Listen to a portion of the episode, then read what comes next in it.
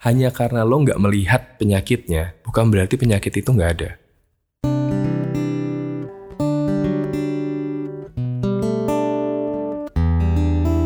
Hai, selamat datang di Bedtime Story. Gue Wisnu Kumoro dan ini adalah Bedtime Story.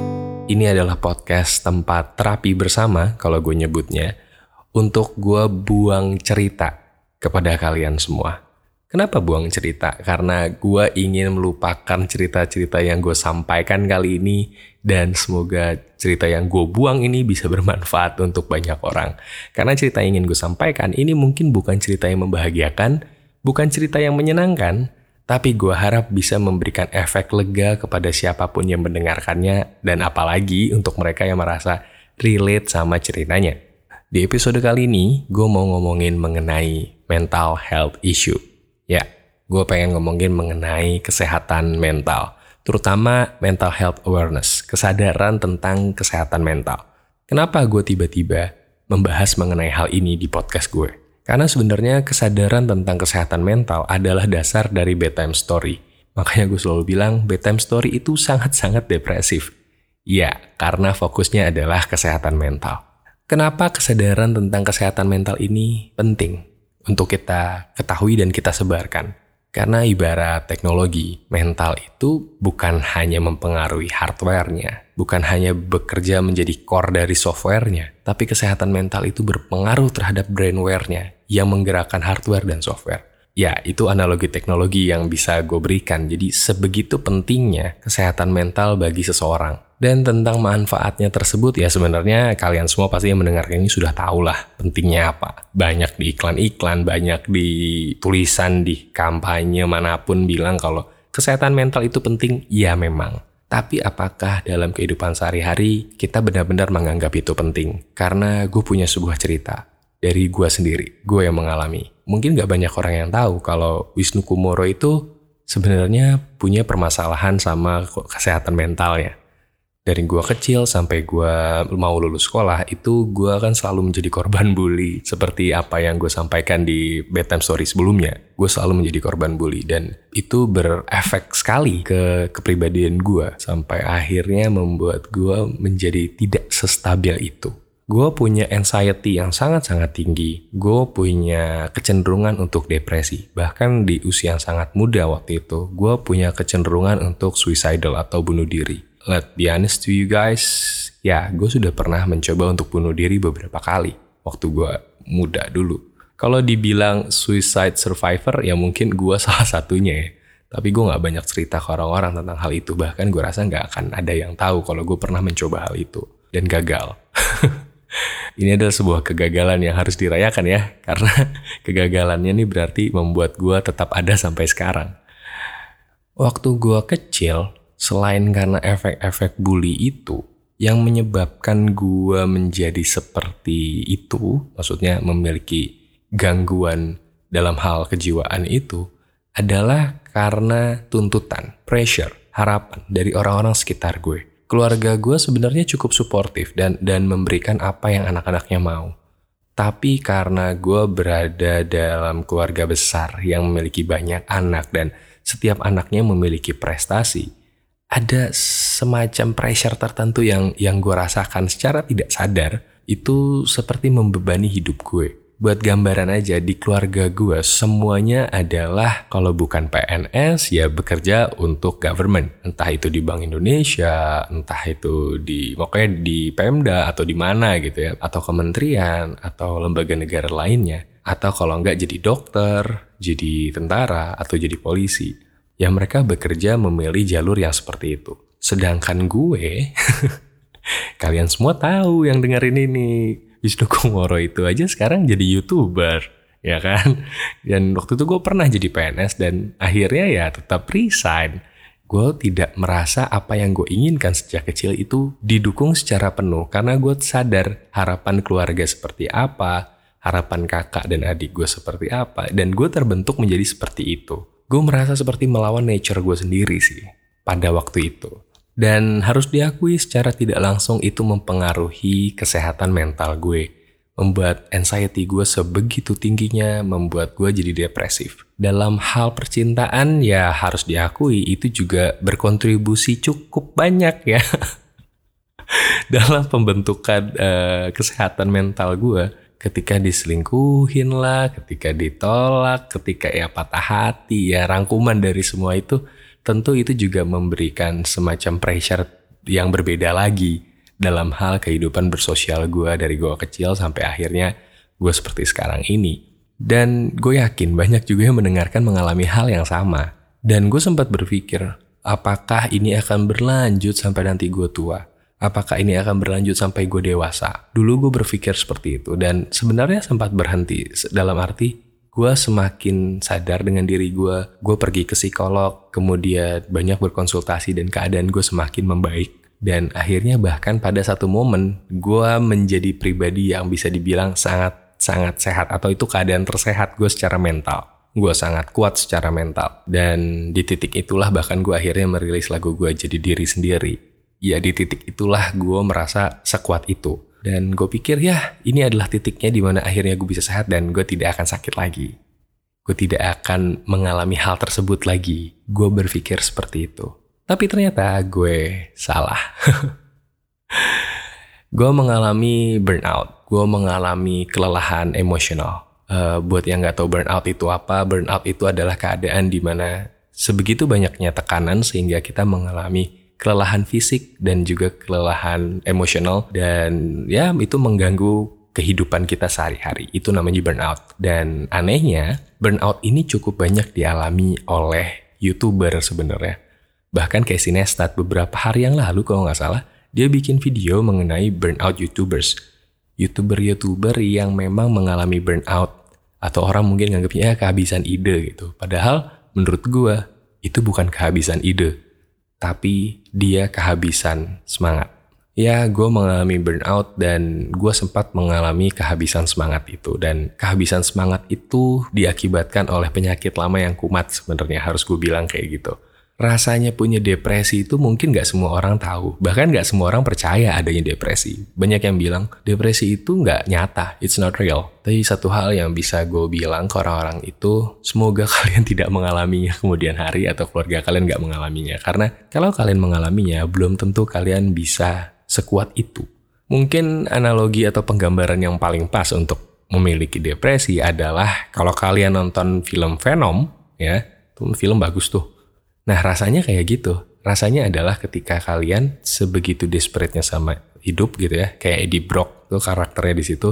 Sebegitu hopelessnya sama hidup. Keadaan paling rendah sama hidup. Keadaan se-useless itu. Kemudian sesuatu masuk ke dalam badannya. Ya si simbiot itu. Kalau kalian perhatikan sebenarnya simbiot itu tidak membantu Eddie Brock. Dia tidak membantu si Eddie. Dia sebenarnya memakan Eddie dari dalam dan dan kalau Eddie tidak mencari tumbal untuk si simbiot itu simbiot itu akan mati dan Eddie Brooke juga akan mati. Sebenarnya konsepnya seperti itu. Depresi itu ketika orang kehilangan semangat, depresi itu masuk ke dalam dia dan dan menggerogoti dari dalam. Sebenarnya seperti itu. Itu analogi yang paling pas menurut gue untuk digambarkan ke orang-orang yang tidak punya depresi. Apakah itu akan hilang? Gue nggak tahu secara medikal kayak gimana. Tapi yang jelas dari apa yang gue alami, itu selalu kembali lagi, kembali lagi, dan kembali lagi. Dan ketika kembali, ini benar-benar hal yang mungkin untuk sebagian orang nggak nggak mudah untuk dicerna ya. Gue seperti kehilangan kemampuan untuk mengontrol apa yang bisa gue kendalikan selama ini. Gue merasakan keletihan yang luar biasa. Gue hanya memiliki dua pilihan, tidak bisa tidur sama sekali atau selalu tidur. Itu seperti kondisi yang sangat-sangat ekstrim yang dialami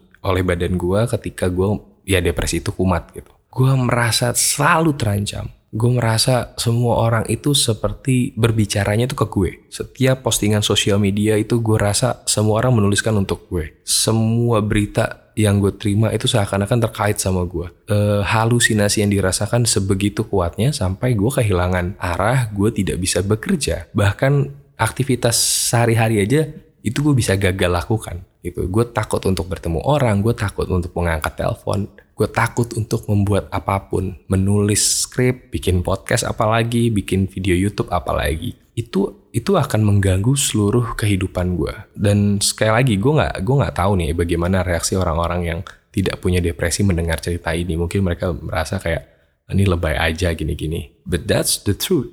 Itu yang dirasakan, itu yang gua rasakan. Dan untuk menyemangati diri ternyata tidak semudah itu untuk orang-orang yang punya depresi. Karena satu pertanyaan besar dari orang yang punya depresi terhadap semua nasihat yang masuk ke mereka.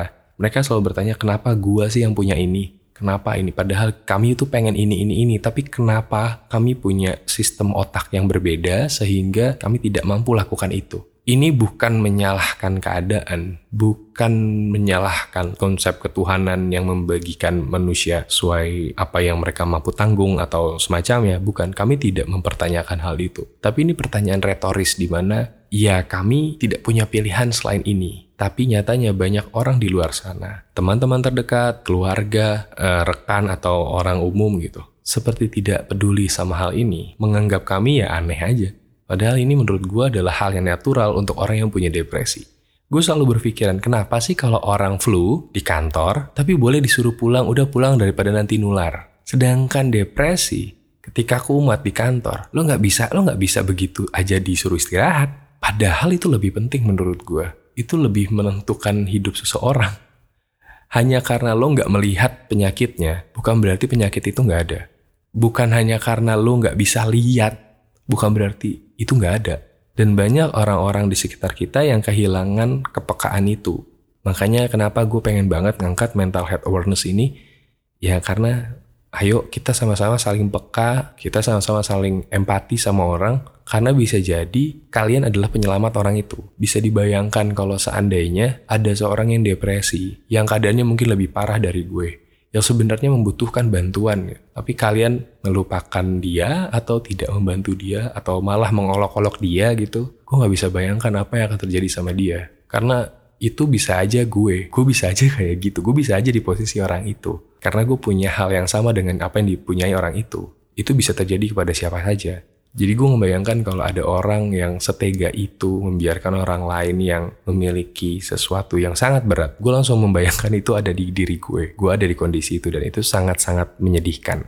Kita memang hidup di society yang sangat-sangat rumit sih menurut gue saat ini. Society yang apa-apa butuh ada fisiknya, butuh terlihat. Kalau kata anak internet ya, no pics hoax gitu ya. Ya ini juga karena banyak banyak hal-hal bohong di luar sana, makanya perilaku seperti ini muncul. Tapi percayalah teman-teman, kadang tidak seperti itu cara kerjanya. Kalau kalian memang tidak bisa mempercayai orang yang tidak kalian kenal, paling tidak jagalah orang-orang yang kalian kenal. Jadi kalau kalian misalkan dengar cerita depresi dari seseorang yang tidak kalian kenal dan kalian tidak percaya, ya sudah. Tapi kalau seandainya itu adalah orang yang kalian kenal, ya selamatkan dia. Karena lo nggak akan tahu apa yang mungkin dia lakukan tapi bukan berarti semua orang yang depresi itu lemah, dalam arti sebegitu tidak berdayanya.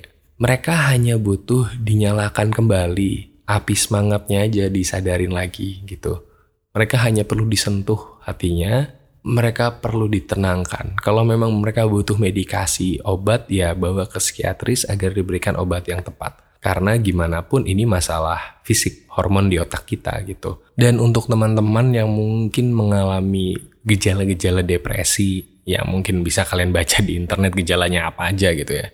Atau mungkin kalian yang memang sudah pergi ke dokter, eh, ke psikolog mungkin kayak gue atau ke psikiater, gue sebenarnya punya beberapa saran mungkin ya, disebutnya mungkin saran. Beberapa hal yang bisa kalian lakukan agar lebih baik mungkin keadaannya atau bisa sembuh total mungkin ya gue nggak tahu juga ya. Beberapa saran ini adalah hal-hal yang gue lakukan biasanya ketika penyakit itu kumat. Uh, ketika gue merasakan hal tersebut, ini adalah hal-hal yang biasanya gue lakukan. Yang pertama adalah you need someone atau beberapa orang sekaligus bahkan. Lo butuh banget orang yang memang bisa lo percaya luar dan dalam seperti lagu gue. Jadi promosi terselubung ya lo butuh seseorang yang benar-benar tahu keadaan lo ini. Jangan sendirian. Kalau katanya Chester Bennington dia adalah orang yang punya depresi parah juga dan dia secara sukses membunuh dirinya sendiri ya dan jangan ditiru. Dia pernah bilang bahwa batas antara kedua telinganya itu itu adalah sebuah lingkungan yang sangat buruk bad neighborhood dan jangan pernah biarin dia sendirian di situ karena dia nggak akan pernah tahu apa yang terjadi di lingkungan itu yang ada di dalam di antara kedua telinganya maksudnya di dalam kepalanya itu perumpamaan dia Sebegitu bahayanya orang yang punya depresi dan dibiarkan sendirian. Jangan pernah sendirian. Bahkan ketika kalian akhirnya, ya tapi teman-teman gue sibuk semua. Keluarga gue jauh.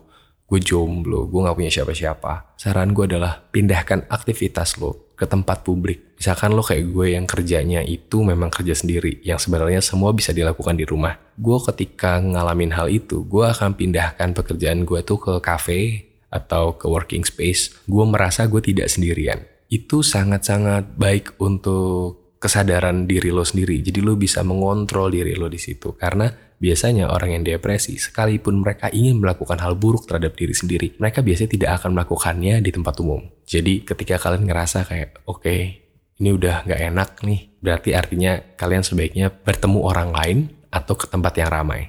Itu saran pertama dari gue untuk ya paling tidak mengobati perasaan kosong itu. Kemudian kalau misalkan kondisi sudah sedikit lebih parah kayak mendengarkan suara yang ada di kepala karena actually yes it's happen. Uh, gue sering banget ngedengerin suara di dalam kepala gue, voice in my head. Nah itu beneran terjadi ternyata ya. Terdengar sangat menyeramkan tapi itulah yang terjadi. Dan kalau itu muncul sekali lagi you need someone, kontak orang yang paling dekat dengan kalian, ajak ketemu, dan bilang ke dia jangan tinggalin lo dulu sampai akhirnya lo normal atau suara-suara itu hilang. Dan kalau memang sudah separah itu harusnya sih kalian sudah ke dokter atau ke psikolog paling nggak karena itu sangat-sangat berbahaya. Itu adalah tingkat yang tertinggi, warning tertinggi kalau menurut gue untuk batas kalian ke dokter. Untuk kondisi yang lebih ringan, misalkan kalian mendapatkan kayak anxiety attack atau kecemasan mendadak yang sebegitunya sampai kalian menjadi histeris. Pertama ya atur nafas, tenangkan diri. Saat sudah sedikit sudah mulai tenang, minum air putih. Ya, tenangkan diri kalian. Lupakan dulu semua hal yang tadi dilakukan. Kasih waktu untuk badan kalian memproses hal itu. Dan pentingnya liburan sebenarnya adalah di situ. Liburan tuh nggak cuma untuk ngabisin duit. liburan itu penting untuk merefresh otak sebenarnya untuk memberikan otak kalian distraction kalau gue nyebutnya pengalihan yang tadinya fokus ke satu hal dan menemui pressure yang berat di situ dan akhirnya ke distract terhadap hal lain dan lebih relaxing. Ini juga semacam reward untuk otak kalian supaya tidak terlalu overheat gitu ya gue nyebutnya. Jadi semacam sistem reward untuk otak, jadi badan juga lebih relax dan kalian jadi lebih sehat untuk menghadapi hidup. Dan yang paling penting menurut gue adalah keluarga. Keluarga itu harus tahu keadaan kalian. Keluarga itu harus menjadi prioritas kalian kalau kalian kenapa-napa. Atau mungkin bahkan kalau kalian lebih percaya sama pasangan, ya jadilah keluarga. Karena gimana pun menurut gue keluarga itu adalah tempat kita kembali pulang pada akhirnya. Jadi segimanapun kalian, kalian akan kembali ke rumah. Atau kalau memang kalian sudah merasa tidak punya rumah, buatlah rumah. Isilah dengan keluarga yang kalian inginkan. Karena bedanya sakit yang ini dengan sakit-sakit yang lain adalah obatnya itu banyak sebenarnya. Dan kita bisa pilih sendiri. Masalahnya hanya mau atau tidak. Dan di saat lagi kumat, ya pasti nggak mau. Jadi kumatnya itu dihilangkan dulu, ditenangin dulu, baru setelah itu obatnya diambil, dilakukan. Sebenarnya prosesnya menurut gue seperti itu. Ini sangat-sangat tidak medis sebenarnya. Karena memang ya, sekali lagi gue bukan profesional. Tapi berdasarkan pengalaman gue, itu yang gue lakukan ketika gue kumat, gue break semua hal yang gue lakukan, gue menghilang dulu sejenak, gue short escape. Biasanya sih gue ke Bandung ya, kalau dari Jakarta ke Bandung relatif dekat. Atau mungkin kayak kemarin waktu itu gue ke Vietnam, sekalian aja gitu. Gue meninggalkan kepenatan yang gue rasakan dulu sampai akhirnya gue bisa menenangkan diri dan gue kembali lagi dan beraktivitas. Atau sesederhana gue pergi sama teman-teman, ngobrol sama mereka. Atau juga sesederhana gue nelpon nyokap karena jarak gue dan nyokap gue itu sangat dekat sedekat tombol call yang ada di telepon. Tinggal tekan, nyokap angkat, dan gue bisa berkomunikasi dengan orang tua gue.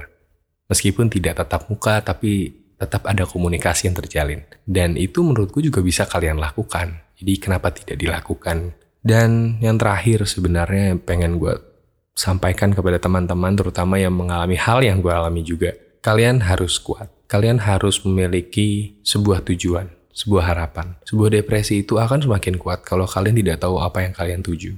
Tujuannya mungkin tidak perlu terlalu muluk, bisa kalian bikin menjadi tujuan hari ini, tujuan minggu ini, tujuan bulan ini, sampai tujuan tahun ini. Hal-hal itu bisa kalian ciptakan sendiri berdasarkan kemauan kalian. Dan selalu jauhi negativity. jauhi hal-hal yang memberikan dampak negatif secara emosional pada kalian. Misalkan melambai turah, menurut gue itu negatif banget ya. Jadi hindari saja. Hindari kebiasaan-kebiasaan yang membawa negativity sih menurut gue.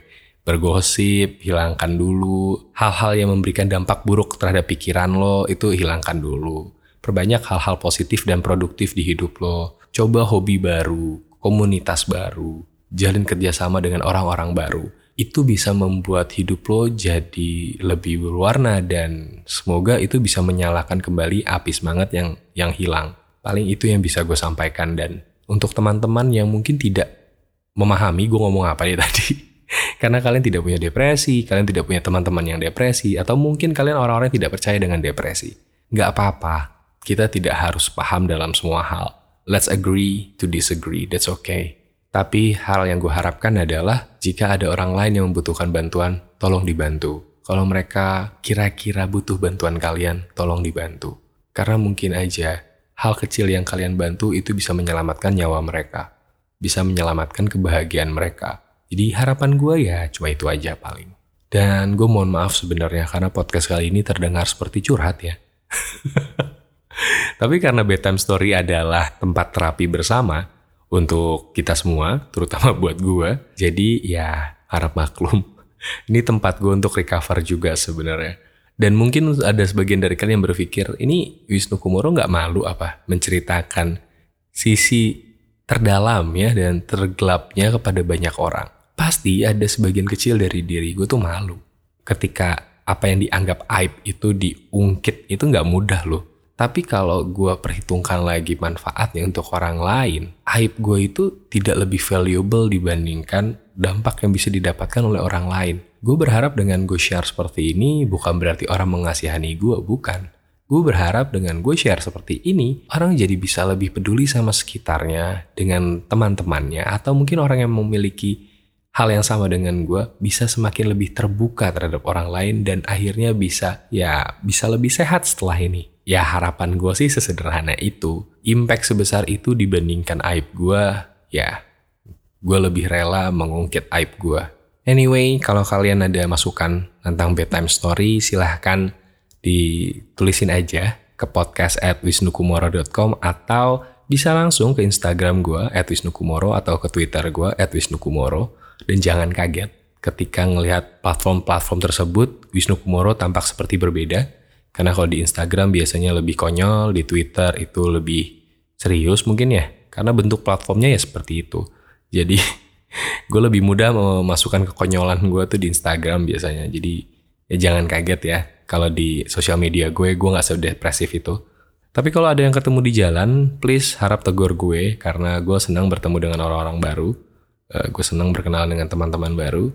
Karena banyak yang DM gue mau negur katanya muka gue galak Percayalah, itu memang muka asli gue seperti itu, bukan karena galak, tapi karena emang gitu aja bentuknya. Dan ya, sekian dulu untuk podcast bedtime story kali ini. Sumpah, kalau kalian dengerin dari awal lagi nih, diulang lagi sampai ke sini, tone suara gue mungkin agak sedikit berbeda. Karena sekarang gue merasa lega sekali setelah buang cerita. Enak banget rasanya. Dan terima kasih sudah mendengarkan cerita gue sampai habis, sampai sekarang ini. Ngalor ngidul gue. Terima kasih banget loh, sumpah. Untuk yang dengerin terima kasih banget dan semoga berdampak baik untuk hidup kalian. Dan mohon maaf karena ceritanya bukan cerita yang bagus. Sampai ketemu di podcast berikutnya, di podcast-podcast lainnya juga. Dadah.